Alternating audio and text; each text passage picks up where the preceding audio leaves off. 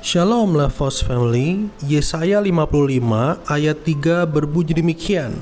Arahkanlah telingamu dan datanglah kepadaku. Dengarkanlah maka kamu akan hidup. Nah Bapak Ibu Saudara, Tuhan selalu ingin membawa kita kepada sebuah pemulihan. Sedangkan dosa selalu membawa kita kepada kehancuran Nah, dunia kita hari ini adalah dunia yang penuh dosa. Dunia yang telah kehilangan kemuliaan Allah. Roma mengatakan bahwa semua orang telah kehilangan kemuliaan Allah. Oleh karenanya, Tuhan sangat ingin kita kembali kepadanya, kita pulih dan hidup di dalamnya. Nah, oleh karenanya, ayat tadi mengingatkan kita bahwa Tuhan mau kita mengarahkan telinga dan datang kepadanya dengarkan perkataan dia. Nah, kata mendengar di situ memiliki bahasa asli itu syama atau shema. Itu bukan mendengar biasa Bapak Ibu. Kalau di dalam bahasa Inggris ada namanya hear dan listen. Hear itu adalah ketika saudara mendengar angin lalu atau mendengar seketika saja. Tapi kalau listen, saudara itu sedang memperhatikan lawan bicara saudara. Saudara sedang memperhatikan dan fokus menangkap apa sih maksud pembicaraan lawan bicara tersebut. Itu listen dan Syama punya pengertian yang sama dengan listen, yaitu memperhatikan dengan serius, fokus, benar-benar mengerti, menangkap apa sih maksud pesannya. Dan uniknya tidak hanya itu, kata dengarkanlah itu juga punya pengertian dalam bahasa asli taat.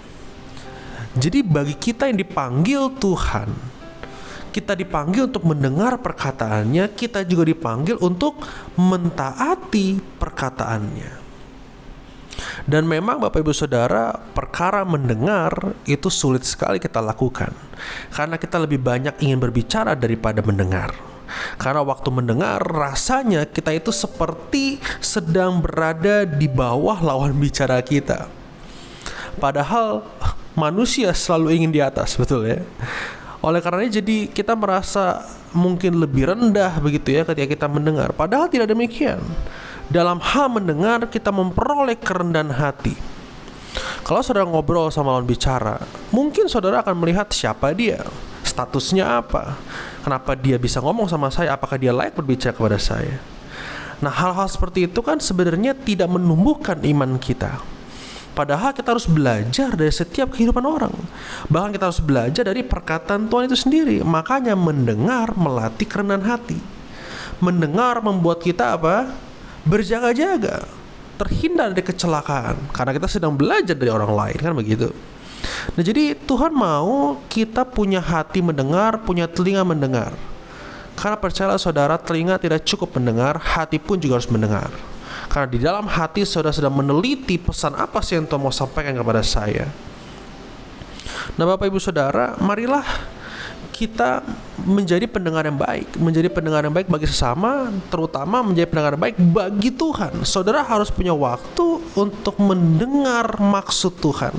Setelah itu apa? Taati maksud Tuhan tersebut, taati perintah Tuhan itu, taati firman Tuhan itu. Sebab kita dipanggil bukan hanya menjadi pendengar, ada amin kita dipanggil menjadi pelaku firman. Doa saya Bapak Ibu Saudara untuk kita boleh kembali pulih, kita boleh kembali bisa hidup bersama-sama dengan Tuhan, hidup di dalam hadirat Tuhan, maka dengarkanlah dia. Arahkan telingamu, dengar dia, maka kamu akan hidup.